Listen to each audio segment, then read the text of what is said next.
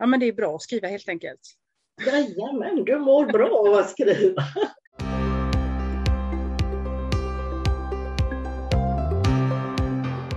Hej och välkomna till Konsten att sabba en story.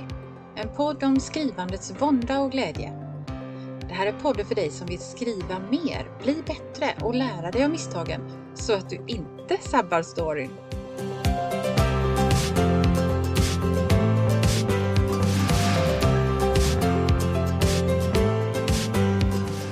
Jag heter Anna-Karin Svanå.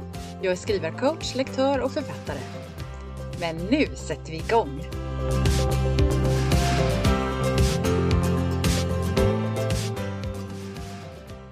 Hej och välkomna till avsnitt 30. Idag får vi träffa Viveka Österman som är författare och lektör. Våra vägar möttes för några år sedan i ett projekt med litterära konsulter som kallades Från bokidé till bokmässa. Och där skrev Viveka sin första bok och jag var hennes lektör och redaktör och sen lanserades boken på Bokmässan i Göteborg 2019.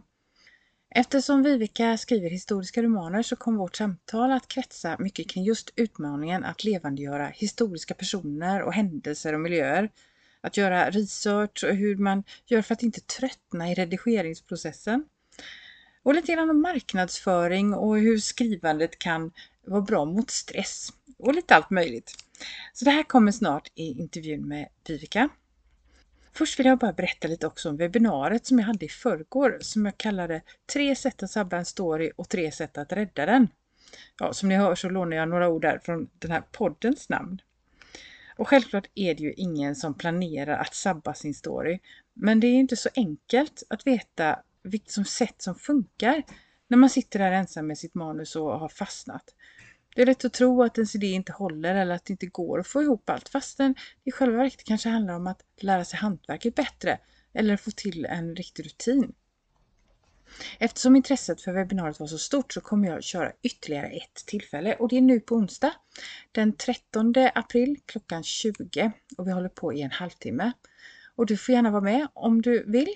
Anmäl dig via en länk som finns på min hemsida www.annakarinsvana.se om du som lyssnar vill ha lite mer än bara korta tips om skrivandet, om du har en författardröm, om du är trött på att stå och stampa och vill hitta ett roligt och effektivt sätt att komma i mål och skriva klart, ja, då vill jag tipsa om mitt nya medlemsprogram som snart sätter igång.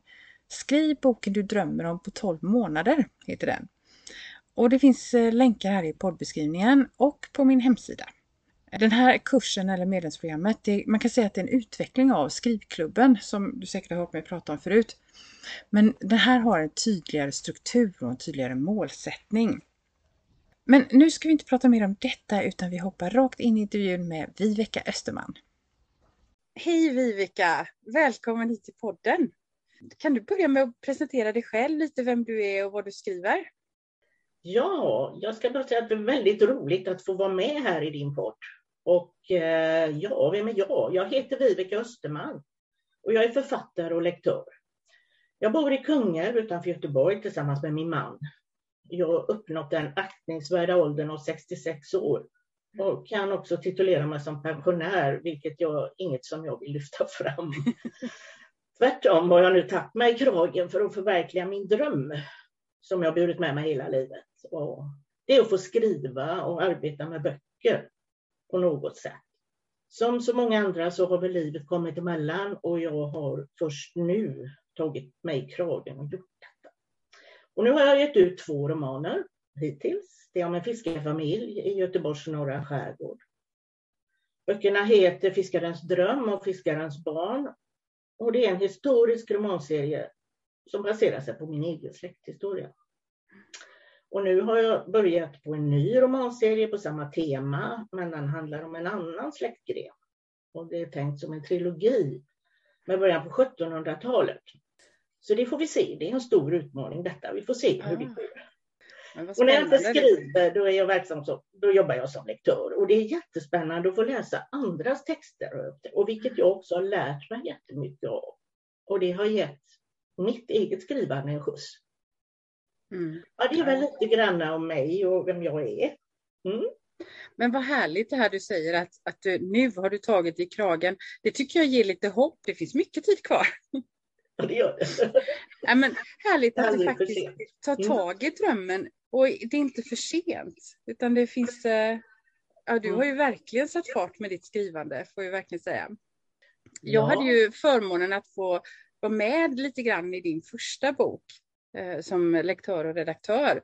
Och, eh, så jag har ju sett ditt författarskap växa fram lite. Men du, du skriver ju om din släkts historia. Så det här får du berätta lite mer om. Hur kommer det sig att, du, att det var detta du tog tag i? Är det något som du har funderat jättelänge på eller råkade det bli som en slump? Eller, ja, hur, hur kom du in på det här? Nej, jag, jag hade ju en idé från början att jag, jag ville förmedla till mina barn och barnbarn lite om släkten och varifrån de kom och ja, så här. Och, då började jag skissa på ett vanligt traditionellt släktträd. Men insåg ganska snart att det här blir ju väldigt torrt och tråkigt. Och jag har alltid varit historieintresserad och hållit på med släktforskning. Så jag tänkte så här att jag skulle levandegöra de här personerna på mitt eget personliga sätt och skriva i romanform för att det ska bli något läsvärt även utanför familjen. Annars skulle det bara bli en gren i ett opersonligt släktträd. Ja, och på så sätt så växte idéerna fram och de här karaktärerna fick liv. Och ja, det blev en roman till slut. Till slut. Ja, två, ja. eller en romanserie kan man väl säga. Ja. ja, på den vägen är det. Så jag har ju alltid varit väldigt historieintresserad.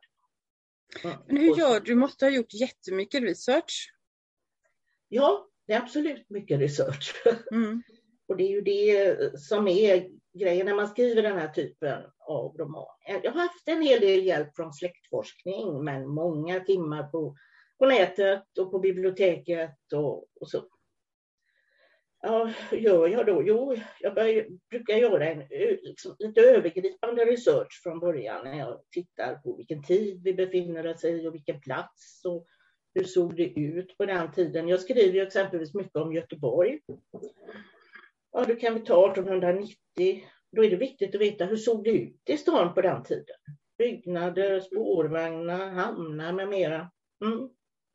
Det är viktigt att vara korrekt, annars kan det bli riktiga grodor om man skriver att huvudpersonen gick in i en byggnad eller i en kyrka som inte fanns.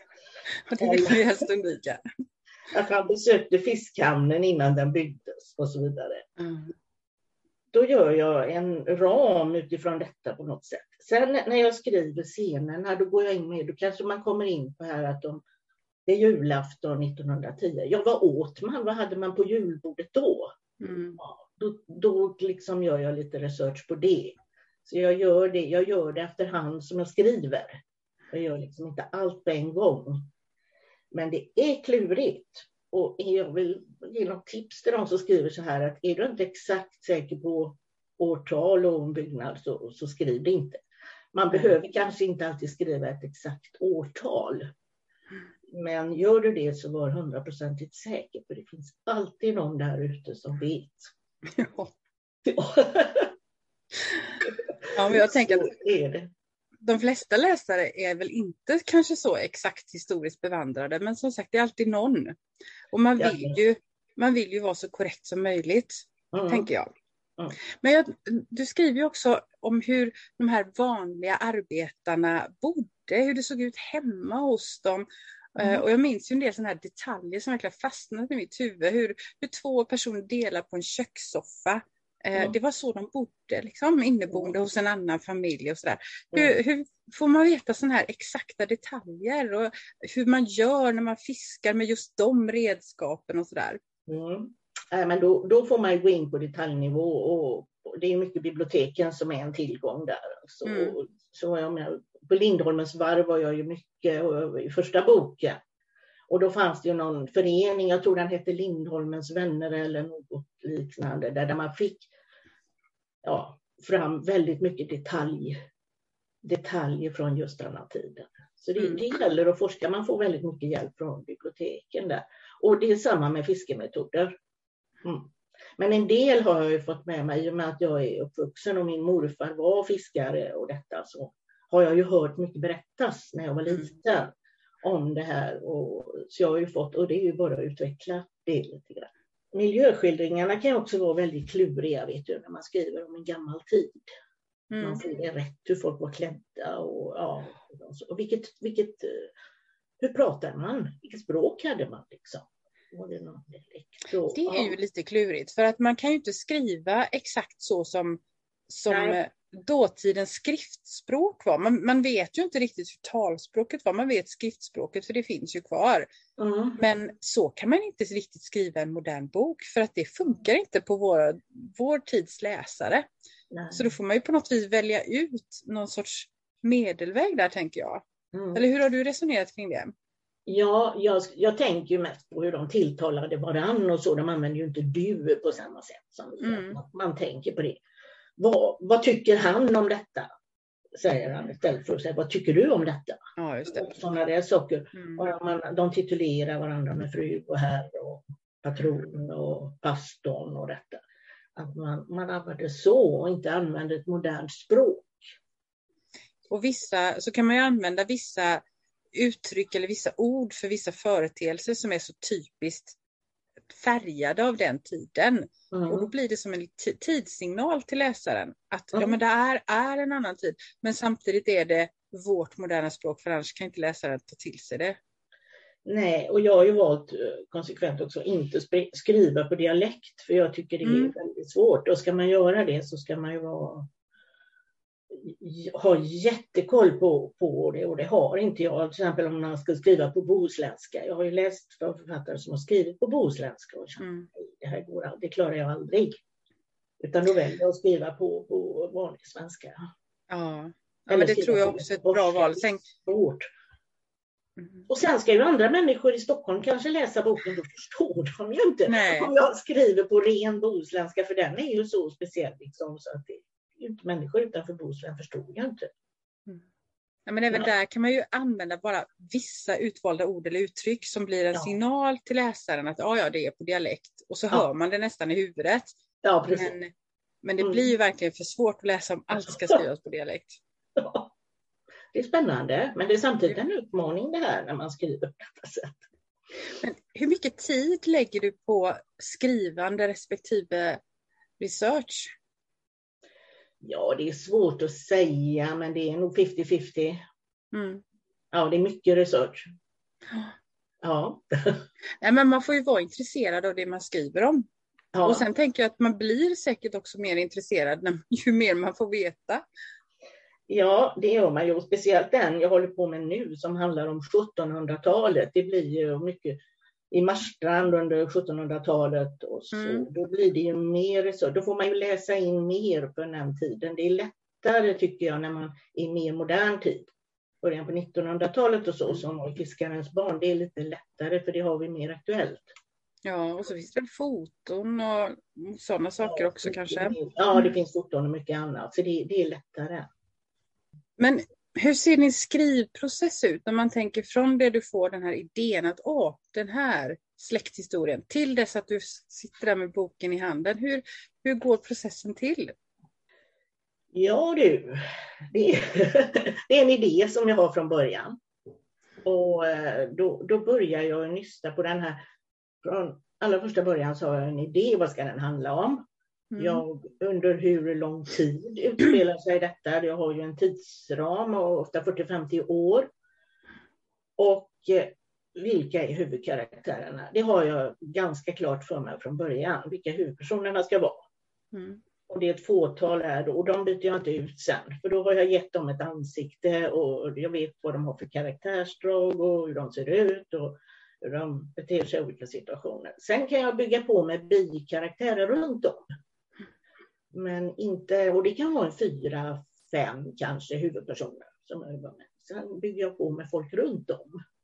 Hur håller du reda på alla karaktärerna? För i och med att de här spänner, romanerna spänner över ganska många år och det är familjer och de har jättemånga barn och det är släktingar och det är arbetskamrater. Mm. Och, eh, hur håller du reda på alla? Jo, men det, det har jag, för det, det, har jag i huvudet där. För det, det är liksom från släktforskning och så här. Och så skriver jag upp liksom ett litet släktträd från början. Mm. Och där, där tar jag med då de viktigaste personerna. Mm. Sen kan man ju inte, det var ett fel jag gjorde i min första roman och det, det har jag lärt mig att man får inte ha för många. Jag hade för många huvudpersoner med, så det blir rörigt för läsarna att hålla reda på. Så det har jag bantat nu väldigt mycket. Man kan nämna dem i förbigående sådär, men inte att allt för många får stort utrymme, för det är jättesvårt att hålla reda på. Och alla fick då... jättemånga barn och de hade jättemånga syskon och det blir ju en, ett myller av personer om alla ska få vara med. Ja. Så det går inte. Nej, då får man rensa lite och så lyfta ja. fram de som har en funktion. Ja. Tänker jag. Mm. Du skriver och researchar, gör du det liksom, sitter du hela dagarna? Nej, det gör jag inte. det är lite olika beroende på, men jag brukar avsätta en timme kanske. Jag gör ju mycket annat också. Mm. en timme eller två på veckodagarna. Normalt, när veckorna ser normala ut, kanske jag avsätter för mitt eget skrivande. Mm.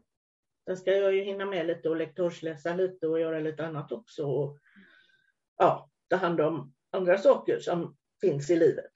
Så att jag gör nog så att en, två timmar. Varje dag? Sen kan det bli mer vissa dagar och inget någon annan dag. För så är ju mm. livet. Ja. Mm. Så någon vecka kan det ju bli väldigt mycket skrivet och någon vecka inte alls. Men i snitt ser det ut så. Mm. Hur lång tid tar det då att skriva ett råmanus? Ja, det beror helt enkelt på hur gott om tid man har och hur man hur man tänker. Men jag har tänkt så här nu och det, det får jag omvärdera nu känner jag. Att jag, har, jag gör liksom en grov plan. Hur, hur många ord är det i mitt romanus? Jag säger att det är 120 000 ord. Och jag ska skriva det på fyra månader. Då bryter jag ner det. Så jag säger, ja, då blir det 30 000 ord i månaden. Mm. Sen blir det 7 500 ord i veckan då, då, är det liksom inte så jobbigt längre som om du säger att du ska skriva 120 000 ord. Mm. Mm. Ja, och så tänker jag så här, hinner jag detta? Är det, är det realistiskt? att Nej, det är det nog inte. Det här kommer inte. Ja, då ändrar jag till sex månader istället. Och då, då bryter man ner det, då blir det 1500 ord per dag i fem dagar.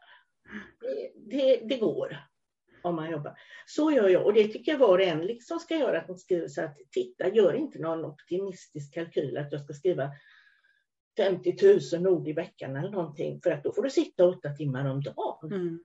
Mm. Och, och det är få som hinner det. sugen och, bli, och, och säga nej, det här hinner jag aldrig, det här orkar jag inte, det är alldeles övermäktigt.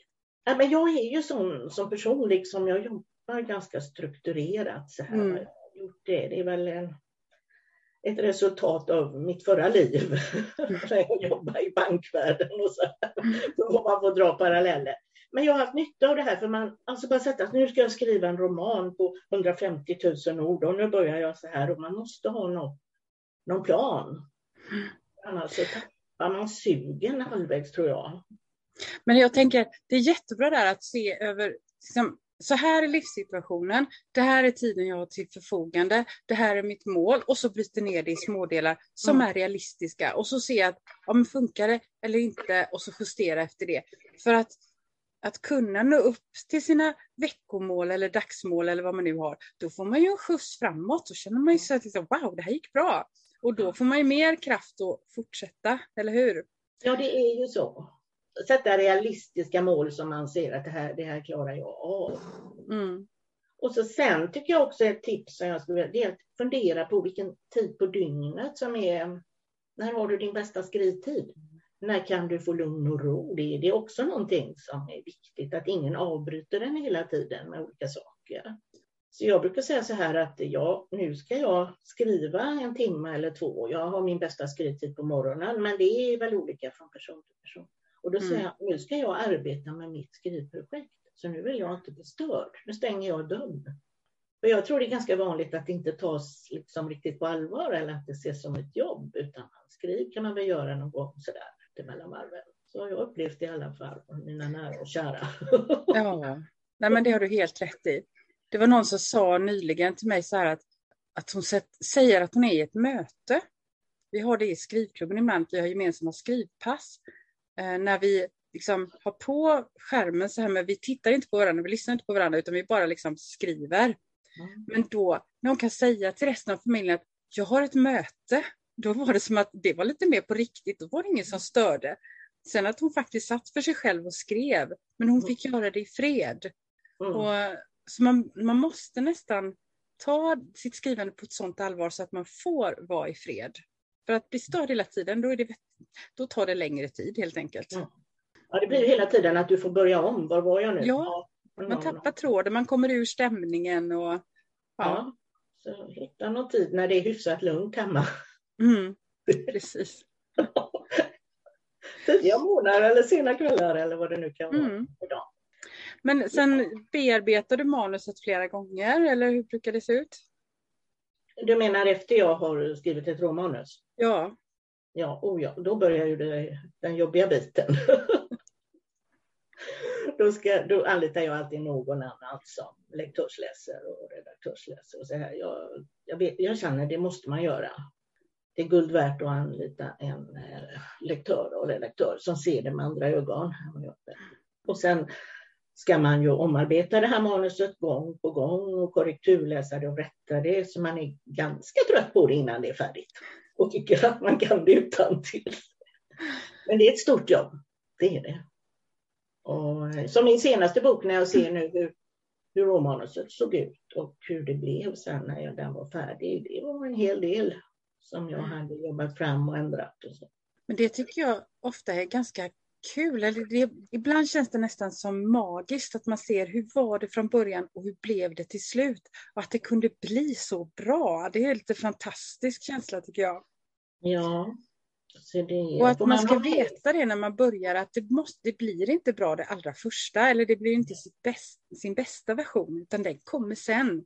Man kan ju stöta på, jag håller på med en som jag hjälper och lektörsläsa nu och skickar in ett råmanus och så säger han så här, men det är färdigt nu, kan jag skicka det här till tryck?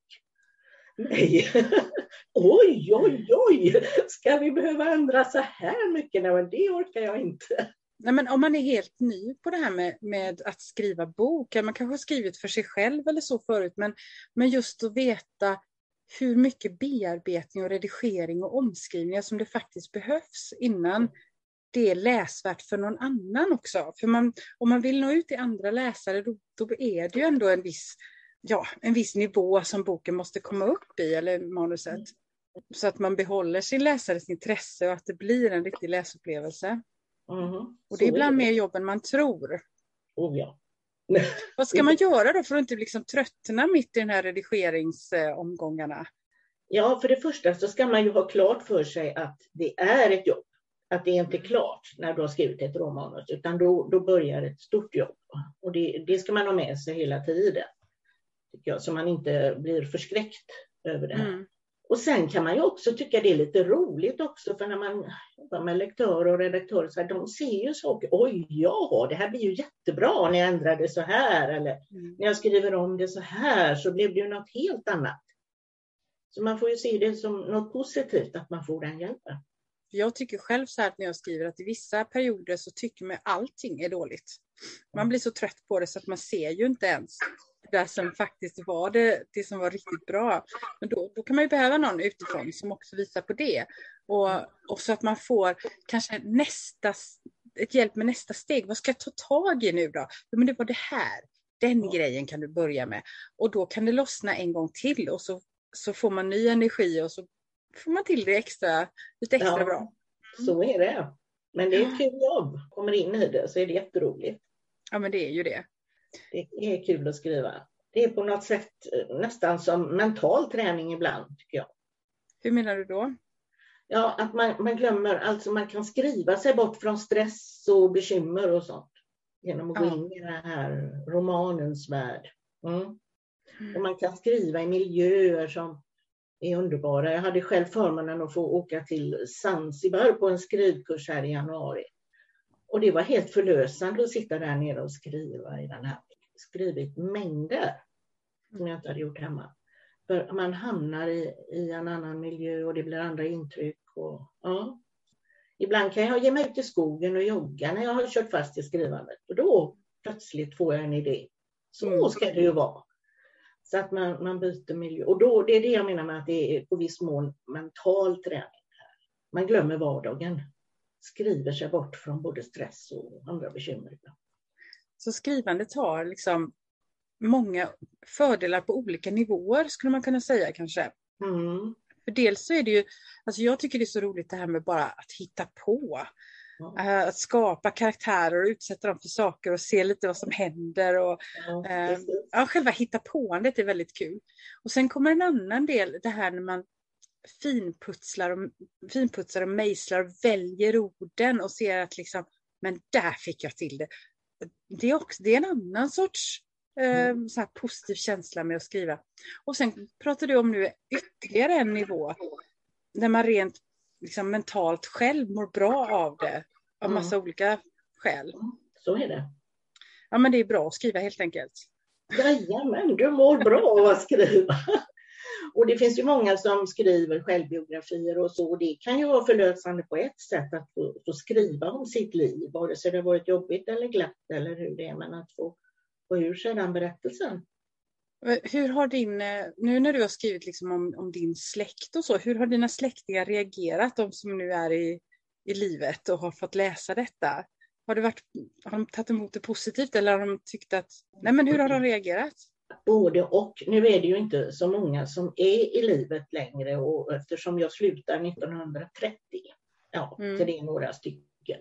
Och överlag har det mottagits positivt därför att jag har ju varit väldigt tydlig vad som är, vad som är sant och verklighetsbaserat och vad som är Mm. påhittat. Och det, det tror jag man får vara. Det är väl någon här som har tyckt, ja, du har väl skruvat lite för mycket på sanningen. Ja, det har jag, säger jag, men jag har också varit väldigt tydlig med att det här är inte sant, det här är påhittat. Mm. Men det är bara en utav i mängden och det var ingen kritik. Så jag tyckte också att boken var jättebra. Men han nämnde det så. Så det, det är ju lite känsligt när man skriver så här om, om verkliga personer som har Mm. funnits. Man får vara väldigt noga med vad, vad som är sant och inte och, och skriva det tydligt i ett förord. Att det här är påhittade personer. Mm. Mm. Ja, men det är också ett bra tips om man då använder en, en verklig historisk händelse eller om man skriver om sitt eget liv. Att man Mm. kan eh, göra det tydligt i början. Och sen som jag skrev också då, jag skriver så här att även deras tankar och känslor, de, de har ju jag fått ta fram. Jag vet ju inte vad de tänkte och kände. Mm. Det är ju som man tror och det är ju upp till författarens fantasi mycket. Ja, Mm. men jag vet att den här kvinnan, hon gjorde inte så, så han. Hon lagade inte den maten, hon tänkte inte så. Nej, men jag, jag har ju inte varit med, så jag, jag får ju skapa mig en bild av henne. Men det, det är försumbart, det, det är bara en enda person. Som regel mottas det väldigt positivt, de tycker det är ett roligt sätt att förmedla en släkthistoria. Vad tycker du, om man ser på hela den här processen med att skriva bok och få ut en bok, lansera den och så. Vad är, det, vad är den största utmaningen och vad är det allra, allra bästa? Den största utmaningen är väl att hitta ett förlag som kan hjälpa dig på ett bra sätt. Jag har ju gjort två varianter här. Jag har ju gett ut min första bok själv och den andra via ett förlag. Jag är inte riktigt nöjd med något av, utan nu den tredje ska jag försöka på ett annat sätt med ett Okej. annat förlag. Och det, det tycker jag är den svåra biten. För det är en djungel där ute med, med förlag och vilket man ska vända sig till och vad får man bäst hjälp och vad får det kosta. Och, det tycker jag är svårt. Marknadsföringen tycker jag också, den får man ta väldigt mycket på. Det, det har jag ju jobbat med jättemycket, så bok nummer två har ju gått lättare. Mm. Absolut, för jag lär mig själv. Och eh, det, det lärde jag mig mycket på bok nummer ett också. Men nu, nu har man det i sig liksom att man måste, man får inte tro att någon annan ska göra det här jobbet åt en, utan man får göra väldigt, väldigt mycket marknadsföring själv. Du Mm. måste vara på Facebook, du måste vara på Instagram, LinkedIn, du måste synas hela tiden, du får vara på mässor och du får vara på marknader. Och, och det gäller ju att hålla på. Ja, nej, för om ingen vet om din bok så är det ju ingen som kan köpa och läsa den heller. Precis, så Så måste hela tiden synas. Ja. Mm. Det är den jobbiga biten. Och Mm. ju mer böcker man skriver, alltså nu bok nummer två, jaha, det är din andra bok. Ja. Och då fann jag ju att när jag nu gav ut bok nummer två så fick den första ett uppsving igen. Ja, För då hade de ju kanske många läsare inte läst den. Ja, men då måste jag ju börja med den och så. så eh, jag tror att ju fler böcker man skriver, ju lättare går det och ju mer Mm. känd blir man. vad är det bästa i allting då? Jo, det är väl det jag får väl... eh, Ja, det, det, är ju glädjen i det här att som jag sa, jag tror det var fråga två eller tre eller vad då, att jag får levandegöra de här människorna, släktträdsmänniskorna. Alltså det blir levande människor och jaha, var det han den här Kristoffer? Ja, ja, så hette han, men nu ser jag ju honom helt klart framför mig och vem han är och allt detta. Mm. Det gör man inte när man bara läser ett släktträd. Det är det som är, det är väl det som är syftet med lite mina, med att jag skriver som jag gör. Sen kanske jag ändrar genre här framöver, det vet man aldrig. Men nu är jag lite insnöad på det här med historiska mm. romaner. Men vi får väl se om jag ror i land mitt nya projekt här, så kanske jag gör något annat sen, för då kanske jag är mätt på det. Det finns ju alla möjligheter att eh, utforska nya vägar också, eller hur? Mm. Ja, skriva mm. i nutid. Man inte behöver all denna research och skriva om en handling som utspelar sig under en veckas tid. du Vivica, jätteroligt att du ville vara med och berätta om hur du jobbar med dina böcker. Om eh, nu någon som lyssnar blir nyfiken på dig och vill läsa mer om vad du, vad, vem du är och eh, få tag på dina böcker, var hittar man dig? Ja, det lättaste är ju på min hemsida då. Och, och, det är väldigt enkelt för det är www.viveka Osterman i ett enda, i ett enda ord, precis som det låter, mm. Vivekaosterman.se. Ja. Och då eh, kan man läsa om mig och mina böcker och lite annat smått och gott där. Jag har en liten blogg och jag skriver. Vad roligt. Jag har inte varit så aktiv, men den ska bli mer aktiv, min blogg. Så där, där kan man gå in och botanisera. Mm. Men då får jag säga tack så mycket för att du var här Vivica och lycka till nu med eh, din nya bokserie. Mm, tack själv, jättekul att få vara med.